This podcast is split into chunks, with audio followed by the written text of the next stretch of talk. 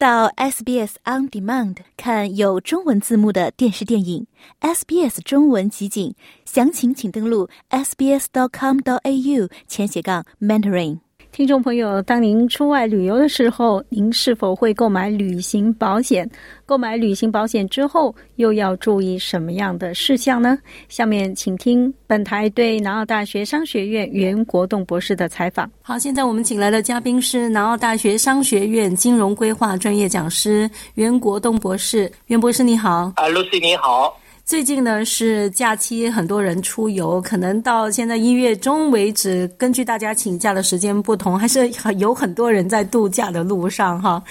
最近我看到一则新闻出现了，有一个人呢是因为他喝了酒，然后出了事情，结果呢去理赔的时候，人家是因为他喝酒而受伤，所以呢不予赔偿。所以袁博士这一期的节目能不能跟我们讲讲旅游之前？买保险有什么样的好处？然后又要注意什么样的问题？啊，我是个人是推荐购买呃旅行保险的，尤其是在那个圣诞和新年假期期间呢，出国旅游啊。那旅行保险不仅覆盖了医疗紧急情况，也包括行程取消、行李丢失、延误或被盗等情况的覆盖。那在国外遇到紧急情况时呢，啊，医疗费用可能非常高昂。而且，通常不会被澳大利亚的医疗保险覆盖。那旅行保险能提供必要的财务保护和心理安宁。啊，让你可以更加放心的享受假期。刚才呢，我们是讲到说有看到一个案例，就是一个人呢，因为喝醉了酒，虽然他买了保险，但是呢，保险公司呢是不予赔偿。如果呢醉酒呢，那在国外旅行中受伤呢，那你的旅行保险公司很可能不会呃批准你的理赔申请，也不会承担你的医疗费用。那为什么会呃说酒精引发的事故不予覆盖呢？保险可能不是人们所期望的绝对的安全网。旅行保险呢，覆盖无法预见的事件或风险，而且呢，保险公司在一定程度上是要求投保人对可预见的风险采取啊回避或避免的措施。那如果呃您喝了太多酒，您控制和回避可预见啊风险的能力就会变弱，那因此出事的风险就大大增加。而如果一个事件的发生风险或概率太高，而且属于故意行为或疏忽造成的，那么保险公司就不愿意提供覆盖。毕竟保险公司也不是慈善机构，它也是商业化运营啊。那确实是买了保险，它不是万能的，也不是说呃保你所有的风险，包括你自己不注意而引起的这个风险。所以呢，这一点我觉得是特别值得大家小心的哈。因为很多人可能会觉得说，那我已经买了保险，我就可以尽情的玩。对的，你有没有一些推荐大家一定不要错过的一些旅游保险呢？就它的类别，这个是要取决于对，这个是取决于您是在澳洲境内做一些呃做跨州的旅游或短途旅游，还是去国外旅游。那如果是去国外旅游的话，那我还是强烈建议呢购买呃旅行保险。为什么呢？因为说我们知道呃 Medicare 和私人的健康保险呢，它主要是覆盖在澳大利亚境内的医疗服务。Medicare 是不覆盖国外的医疗费用的，而且大多数的私人健康保险也是是如此。那旅行保险的独特之处就在于它专为旅行时可能遇遇到的风险设计呢，包括国际呃医疗紧急情况啊、紧急疏散啊、行程取消啊、行李和个人物品的损失或被盗等。总的来说，像这一类的保险，对于比如说这个提供保险的公司啊，有没有一些什么样的约束，或者说有没有一些什么具体的案例是值得大家参考的呢？嗯，保险的话，因为保险提供者，我们市场上有有很多保险的产品和保险产品提供者，嗯，呃，那么他们都要依据要法律形式的，他们有专门的行业准则要需要遵守。所以说，如果是他们。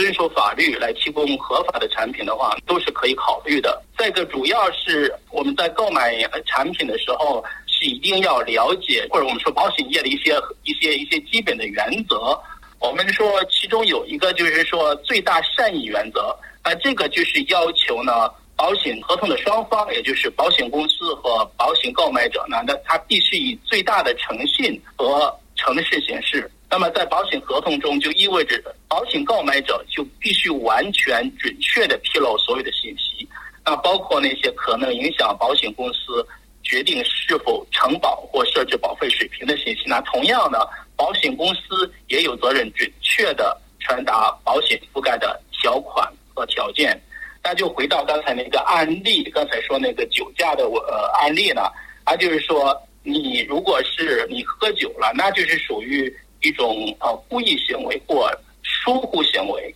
那你喝酒之后，那你发生事故驾驶，特别是驾驶车辆发现发发生事故的风险就会大大增加。那这个就是说你在个人在保险买保险之前是必须要清楚的，而这些呢也会在他保险公司提供的那个我们说的产品披露声明 PDS 中是清清楚楚的列明的，它是列作一个不覆盖的内容，叫做排除项。那如果是消费者没有意识到这一点，那就可能到时候他他去因为喝酒了，或者还有一种情况呢是使用呃不当使用药物，也属于这种情况。比如说，如果检测到药物，那你的理赔申请也是可能被呃否决的。嗯，比如说有一些产品披露声明中 PDS 中可能会指出，如果与药物使用相关的。除非这些药药物是由啊医疗专业人员开处方，并且按照规定使用的，否则呢，保险公司将不支付任何呃理赔。这些呢，都会在这个我们所说的 PDS，就是产品披露声明中清楚的列明哪些是排除项，哪些是包含项。这个是消费者在购买产品、购买这个保险产品之前一定要清楚而了解的。除了刚才说的那个呃喝酒啊，还有不当使用药物之外呢，还有其他的一些呃常见的情况，旅行保险可能不予覆盖。比如说，有一些澳大利亚的外交部和贸易部发布了一些不要旅行建议的国家和地区，对未经批准的医疗条件呃条件提出索赔的。还有就是说，呃未获得适当保障参与高风险运动和活动的。嗯，再一个就是没有戴头盔，或者是没有有效驾照，或者是没有适当保障的去驾驶摩托车或机动车等。再一个就是在呃旅行国家违反法律，那这些都是属于无予呃覆盖的内容。我们说的排除项，这个是需要消费者去理解的。那同时呢，就是说保险公司或保险产品的提供者呢。他们也需要呃依法行事啊，规范的提供他们的产品。如果是将来发生的情况是根据他所提供的呃保险条款不予理赔的，那那消费者确实是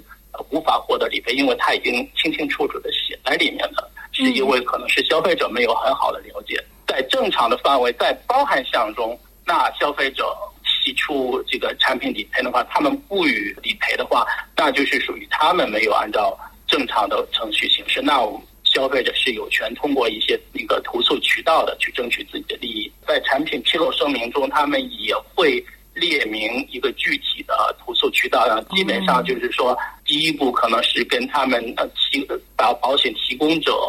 保险公司呢，它得有一个内部的投诉渠道。如果这个渠道不能解决的话，那我们就是再走更高级别的投诉渠道。他们都会提出，他们都会列明哪。这种那些投投诉渠道，我个人认为，在市场上呃存在的一些声誉好的一些保险机构呢，他们他们的产品是应该值得信赖的。那么关键就是说，我们要知道这个产品保险产品是不是我们需要的，而且如果是我们需要的话，那它具体的条款和条件，那特别说是与一些高风险活动相关的覆盖范围和限制呢？这个是我们需要了解清楚的，呃，这个也是可以考虑与保险顾问呢或旅行专家进行沟通，获得更有价值的信息。那今天我们也非常感谢南澳大学商学院金融规划专业讲师袁国栋博士给我们介绍的这些关于保险的知识，谢谢你，谢谢 Lucy。了解澳洲，融入澳洲，欢迎登录 sbs 点 com 点 au 前斜杠 language 前斜杠 mandarin。获取更多澳大利亚新闻和资讯。